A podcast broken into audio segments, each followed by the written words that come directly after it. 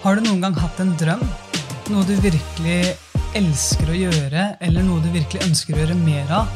Og så samtidig som du har lyst til det her, så er du litt redd for at andre mennesker skal kunne si at du har forandra deg.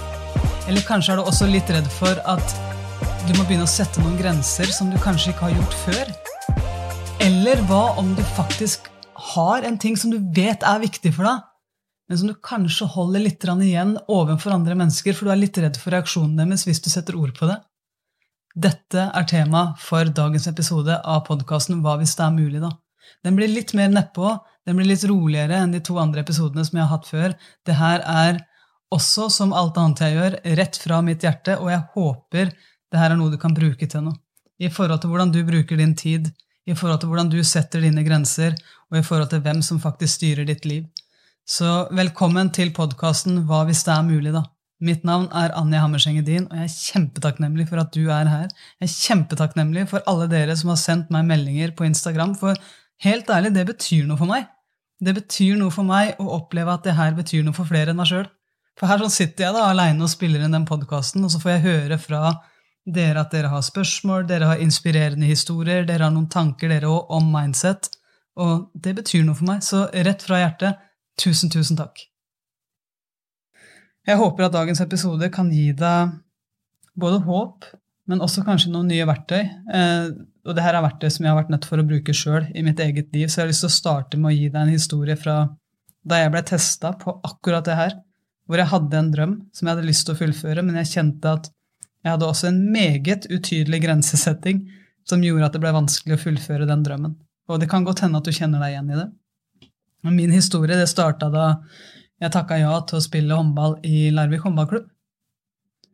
Det hadde vært en stor drøm for meg i mange år. Jeg, jeg kasta rundt på denne lærkula, og jeg syntes jo det var noe av det gøyeste i hele verden. Du har sikkert din ting som du syntes var veldig gøy, men jeg syntes det var kjempegøy, og jeg var alltid så nysgjerrig på hva er det Larvik gjør?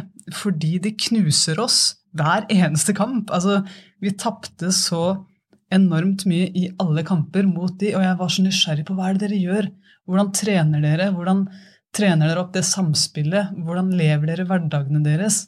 Et eller annet gjorde de som jeg ikke visste hva var. Og hva skjer hvis jeg lærer meg det? da?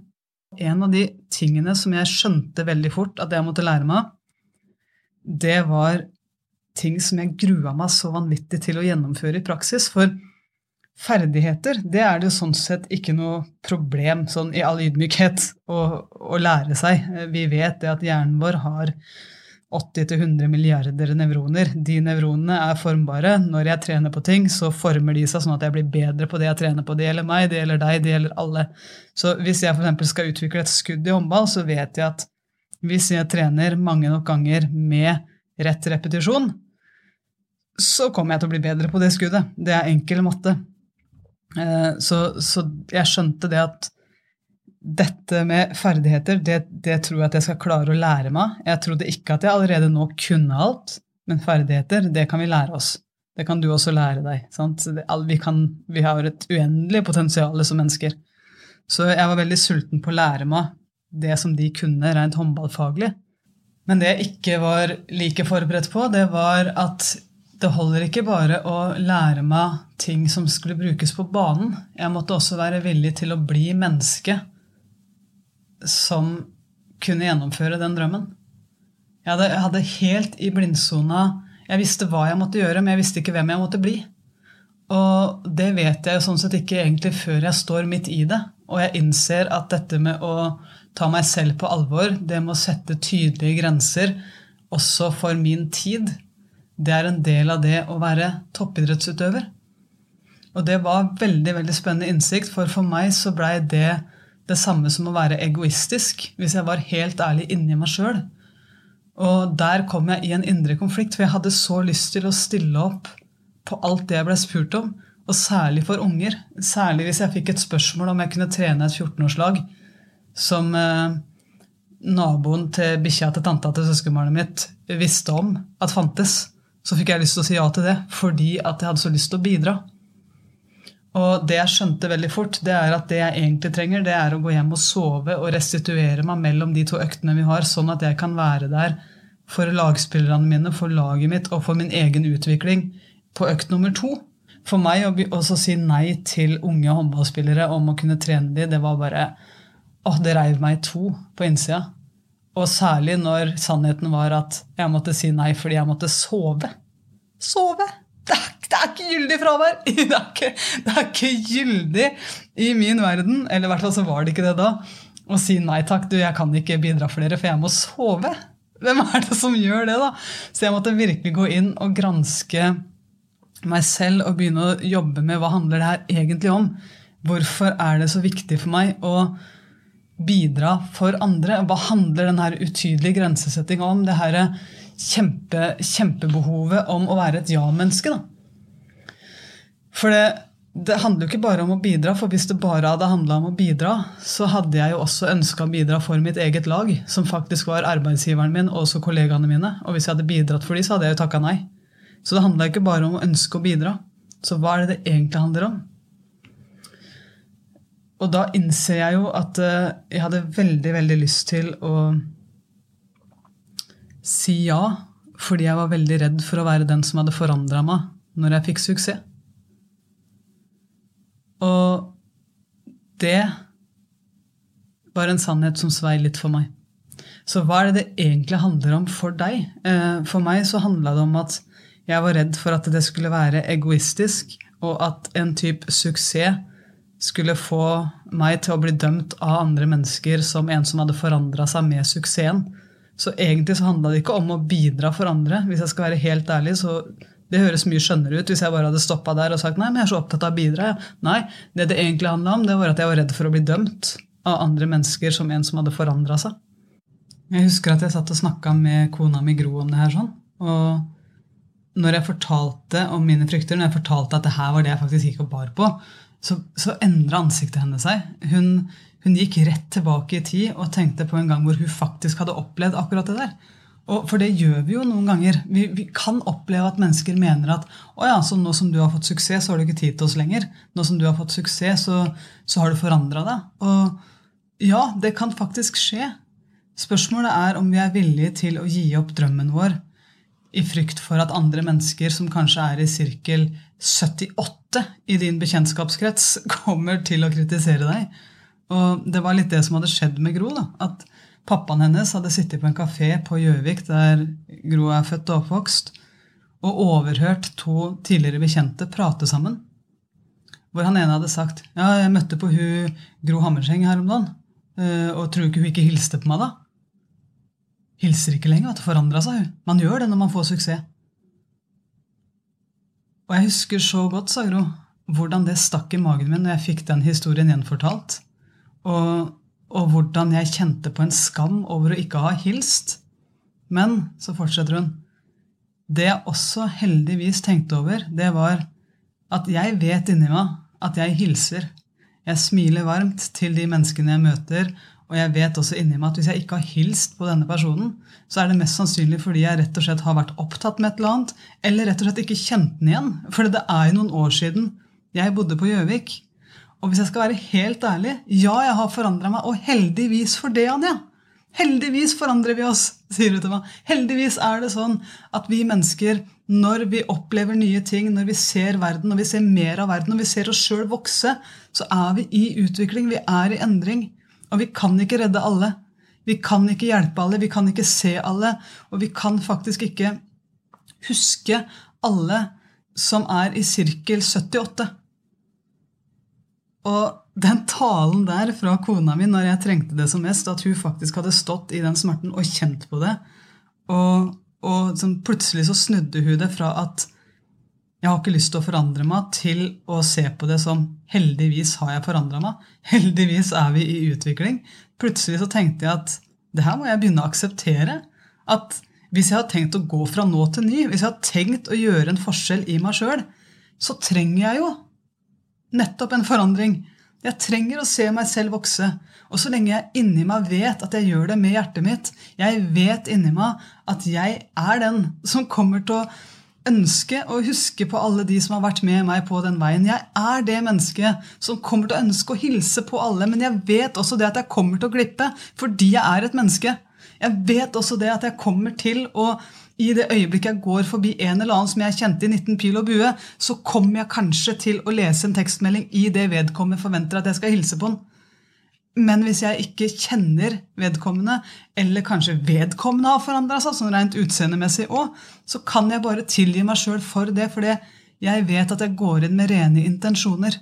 Jeg vet at jeg går ikke rundt her sånn og tenker at fordi om jeg nå endelig har begynt å ta hensyn til min egen tid, eller har begynt å si fram hva som faktisk er viktig for meg, så tenker jeg at jeg er mer verdt enn andre mennesker.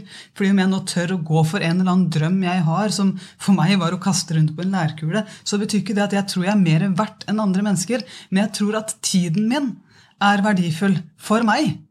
Og den trenger jeg å verdsette. Den trenger jeg å ivareta nettopp for å kunne se meg selv vokse. Og det tror jeg du trenger òg. Det tror jeg de fleste mennesker trenger. Uansett hvor bra vi har det fra før. Jeg tror vi kan trene enda mer på her er mitt rom. Dette her er det jeg trenger for å virkelig trives. Jeg har vært borti ledere for eksempel, som svarer på mail fra de ansatte klokka ett på natta.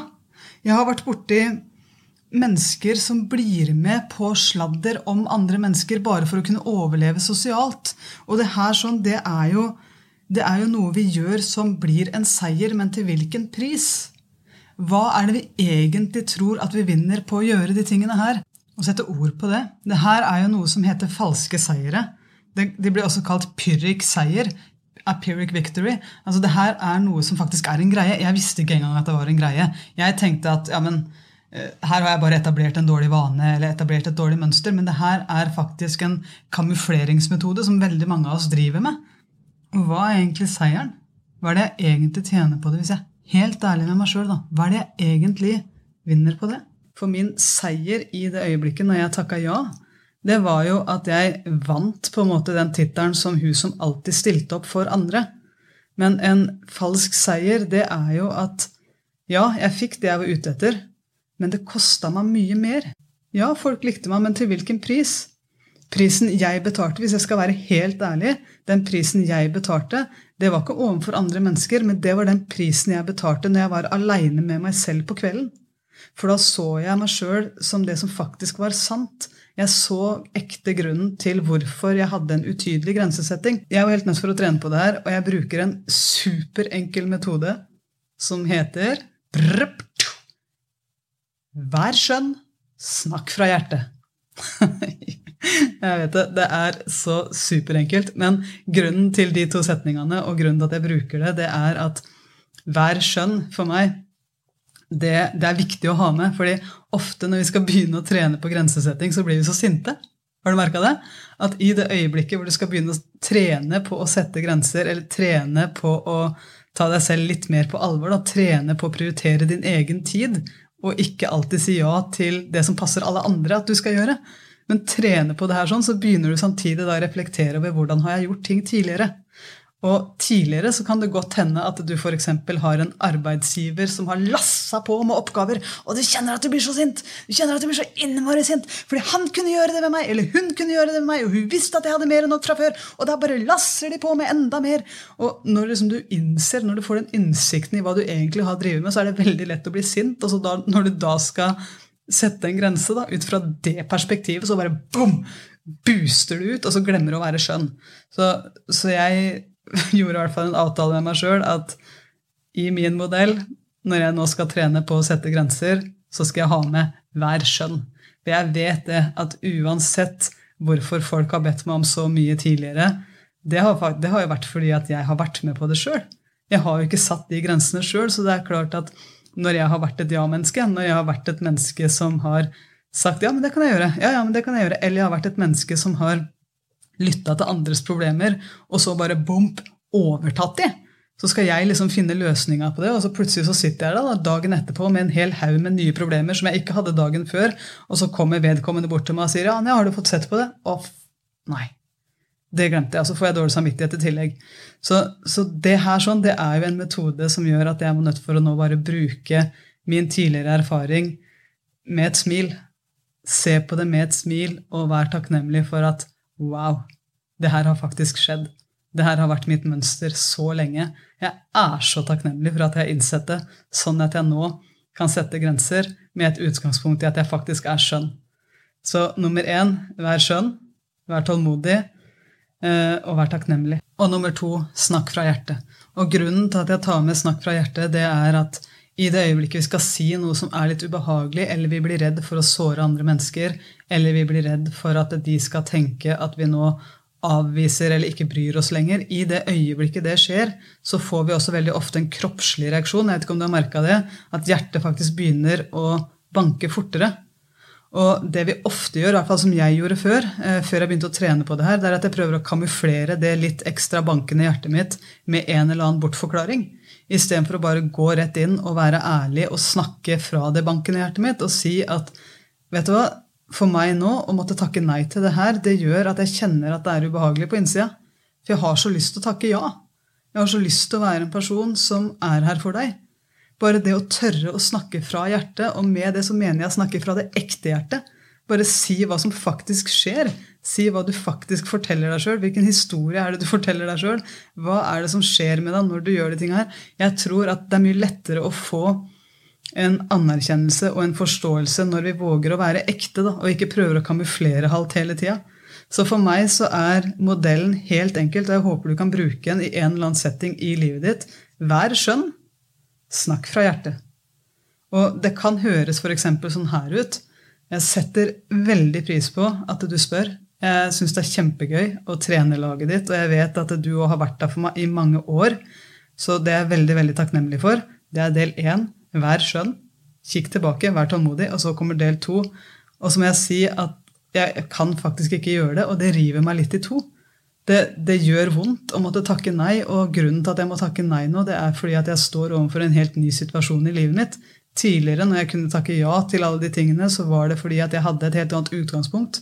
Men nå skjønner jeg at hvis jeg skal leve opp til toppidrettstilværelsen min, da, så, så, trenger jeg faktisk å sove. Jeg er veldig lei meg for det, men jeg, jeg må faktisk sove istedenfor å trene jentene mine. Men kan jeg gjøre noe annet? Kan jeg invitere dere på trening? Kan jeg invitere dere på kamp? Kan dere sitte der og se på flere enn meg? For det fins helt fantastiske lagspillere rundt meg som kan mye som jeg ikke kan ennå. Og jeg har veldig lyst til å invitere ditt lag på tribunen, sånn at dere kan se en hel trening. Det tror jeg dere også hadde lært mye av. Men jeg er helt nødt for å nå være tro mot mine arbeidsoppgaver og takke nei, for jeg vet at det blir for mye. Og da kommer jeg ikke til å sove godt på natta. Så jeg håper du kan møte meg på det. Altså, En så enkel modell, vær skjønn, snakk fra hjertet. Bare sett ord på hva som faktisk skjer. Av og til så må vi også kanskje sette ord på historien vi forteller oss sjøl, sånn at andre mennesker kan forstå. Da. Jeg gjorde det akkurat det samme nå i sommer, faktisk, når jeg var med på innspillinga av 'Mesternes mester'. Og der kjente jeg at uh, hvordan, jeg, jeg, lurte litt på hvordan gjør man det. Nå skal vi plutselig inn der sånn som voksne mennesker. Vi skal bo sammen i et hus i en måned. Og uansett hvor langt vi kommer, eller når vi blir slått ut i 'Mesternes mester', så skal vi jo bo sammen. Og hvordan gjør man det, da? Og da kjente jeg at eh, jeg måtte være ærlig på jeg måtte rett og slett bruke den samme modellen. da. Være skjønn og snakke fra hjertet. Jeg måtte være ærlig på hva som egentlig skjedde med meg. For jeg vet inni meg at jeg har et behov i min hverdag for å meditere. Jeg vet ikke hva ditt behov er. Noen trenger å være ybersosiale hele tida. Noen trenger å bare se på et eller annet på Netflix. Noen trenger å ringe kjæresten sin x antall ganger. Noen trenger å trene x antall ganger. Jeg vet ikke hva ditt behov er i din hverdag for å virkelig trives. Men for meg så er det viktig å gå og meditere. Og jeg husker så godt at jeg måtte si det her sånn til gjengen. da, At jeg er så glad for å være her med dere.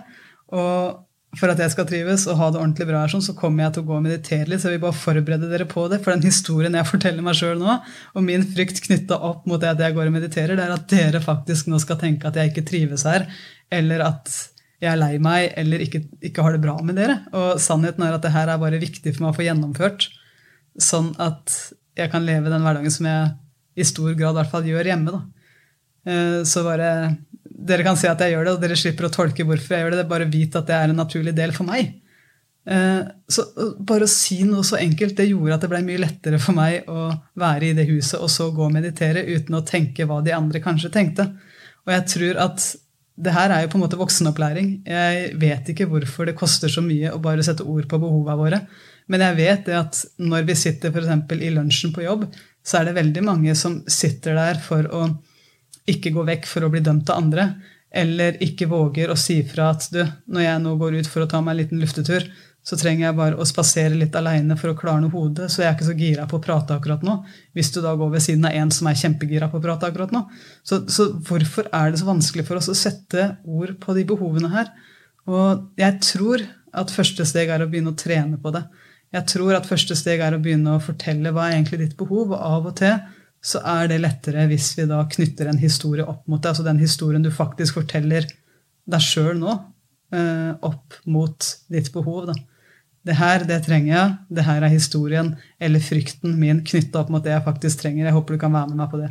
Et annet eksempel kan være en jente som har blitt tatt opp til et landslag, f.eks., eller spiller på et 14-årslag, eh, og så blir hun henta opp til et 16-årslag. Og er redd for hva kommer de andre på 14-årslaget mitt til å tenke når jeg nå blir henta opp. Um, bare det å si det altså trene en 14-åring på å si det her sånn Hei, folkens, jeg har nå akkurat blitt bedt å, om å trene med 16-årslaget vårt. Og jeg vet at jeg hadde aldri fått den muligheten hvis ikke det hadde vært for det dere har gjort for meg. Jeg vet at jeg har fått den muligheten nå takket være dere på laget mitt. Jeg kommer alltid til å være takknemlig for det. Det jeg frykter ved å takke ja, det er at uh, jeg er veldig redd for at dere skal tro at jeg nå tror at jeg er bedre enn dere, eller at jeg nå ikke kommer til å ha tid til dere. Jeg har bare lyst til å si at jeg har lyst til å gripe muligheten, men jeg er kjemperedd for å miste dere, for jeg er så glad i dere. Eh, kan dere være med meg og, og hjelpe meg inn i det her? For det, akkurat nå så har jeg lyst til det sportslige, men sånn overfor dere som er mine venner, så er jeg kjemperedd for å miste dere. Hvordan hadde det sett ut hvis altså, jeg skjønner at en 14-åring kanskje ikke hadde brukt akkurat de orda der, sånn, men hva hvis det er mulig å begynne å trene på å formidle på en sånn type måte? Som våge å faktisk snakke fra hjertet, våge å sette ord på hva som er der inne. Og, og være skjønn samtidig. da. Sette ord på takknemligheten. Jeg vet at du har mye av æren for at jeg nå får den muligheten. Si du er en på jobb, da, et, et eller annet firma. Du er vant til å være en medarbeider sammen med kollegaene dine, og plutselig så får du beskjed om at du kan nå bli en mellomleder. Du kan nå bli lederen til de du tidligere var en kollega til. Hvordan angriper du den rollen der? Bare det å si det, da. Være såpass transparent og si det at jeg har fått en kjempemulighet. Jeg tror at mye av grunnen er at jeg har fått lov å blomstre her sånn sammen med dere. Mye av grunnen er at jeg har vært så trygg her sånn sammen med dere pga. den kulturen vi har skapt. Så har jeg fått lov å ta nye steg i vår bedrift, og nå har jeg fått muligheten til å bli en mellomleder. Historien jeg forteller meg sjøl, er at det kan bli skummelt. Fordi jeg aner ikke hva det vil gjøre ved våre relasjoner, men jeg håper at vi kan stå i det her sånn sammen og gjøre det beste ut av det og finne en vei der det her som faktisk kan fungere. Vil dere være med meg på det? Kan dere finne ut av hvordan kan jeg gjøre dere gode i den prosessen her? Hva hvis det er mulig å snakke til hverandre på den måten der? Hva, hva er det det her som betyr for deg? Jeg vet ikke, men jeg, jeg tror virkelig på det at vi trenger å snakke mer om det som skjer inni oss på ekte, for vi sier det hele tida. Vi sier den derre Ja, ja, men bare vær deg sjøl. Ja, men hva er det, da? Er det kamuflasjen min? Er det Pyrrik-seieren min? Eller er det faktisk Vær skjønn, snakk fra hjertemodellen. Hva er det som er en ekte seier for deg? Hva er en ekte seier? For jeg tror at hvis vi går tilbake til den 14-åringen som takker ja eller nei til det 16-årslaget eller til den landslagssamlinga, si at hun takker nei, da. Fordi at hun er redd for hva de andre skal si. Ja, hun vil få en sosial seier, for hun vil kanskje beholde vennene sine. Men på hvilken bekostning? På bekostning av sin egen drøm. Så, så, hva ville skjedd hvis hun heller hadde turt å ta en ekte seier? da? Både takka ja og også tatt modellen hver skjønn, snakk fra hjertet'. For det her handler ikke bare om å sette grenser i forhold til å si nei til ting. Det handler også om å utforske mulighetsrommet i din egen personlige utvikling. Sånn, setter jeg nå noen grenser eller barrierer for meg selv fordi at jeg er redd for å bli dømt av andre? Eller tør jeg nå å finne ut av hva er det som er en ekte seier for meg? For en grensesetting det er ikke alltid noe vi gjør opp mot andre mennesker. En grensesetting det er også ofte noe vi gjør i vårt eget liv for oss selv uten at vi egentlig er klar over at det er det vi gjør. Vi har ofte de her grensene at ja, men det kunne vært gøy, men hva vil de andre si? Bam! Jeg setter grensa her, så slipper vi å forholde oss til det. Men hva hvis det er mulig, da? At du faktisk kan utforske hvilke grenser er det du har? Hva er det som er dine pyrrhik-seiere? altså falske seire, og hva er det som er dine ekte seire? Det som er ekte inni deg. Hva er det? Så tusen takk for at du har vært med på episoden Hva hvis det er mulig, da, som handler om det å leve fra et sted som er ekte, og våge å sette ord på hva som faktisk er viktig for deg. Og om du allerede har gått trent i det her, sånn, så tror jeg det at både du og jeg kjenner noen som trenger det her. Både du og jeg kjenner noen som er det vi kaller ja-mennesker, som er der for alle andre enn seg sjøl, og vi kan hjelpe dem. Jeg vet så vanvittig godt hvordan livet kan endre seg når vi begynner å trene på det her. sånn. Ikke det at vi har det dårlig fra før, jeg hadde det helt fantastisk, ja. men jeg visste det at jeg hadde mer å gå på. Og når jeg begynte å trene på det her, sånn, så så jeg meg sjøl som en som klarte å ta meg selv litt mer på alvor, og fortsatt også i hensyn til de menneskene rundt meg. Uten at jeg trengte å avskjære dem, uten at jeg trengte å gjøre sånne brutale ting. Trengte ikke å dumpe vennene mine, som veldig mange sier. Altså, det handler egentlig bare om å tørre å stå mer opp for seg sjøl og fortsatt finne ut hvordan kan jeg gjøre det å bevare verdiene mine. Da, og bevare det som er ekte. Og det kan du. Og det kan vi hjelpe de menneskene rundt oss med òg, som trenger det her sånn. Så hvis du nå kjenner noen, så, så hjelp det gjerne med det. Hvis du personlig trenger en meditasjon etter alt det jeg har skravla om nå, så send meg en melding på Instagram. Jeg har akkurat nå laga en eh, meditasjon som handler om nysgjerrighet. Jeg tror veldig på kraften av nysgjerrighet. Jeg tror veldig mye på det å dypdykke litt inn i hva er det som er der inne, som jeg kanskje overser litt i hverdagen. Så hvis du er gira på det og tester det ut, så bare send meg en melding, så skal jeg sende deg fila. Jeg er kjempetakknemlig for at du er med og hører på det her. Tusen takk. Jeg gleder meg veldig til veien videre.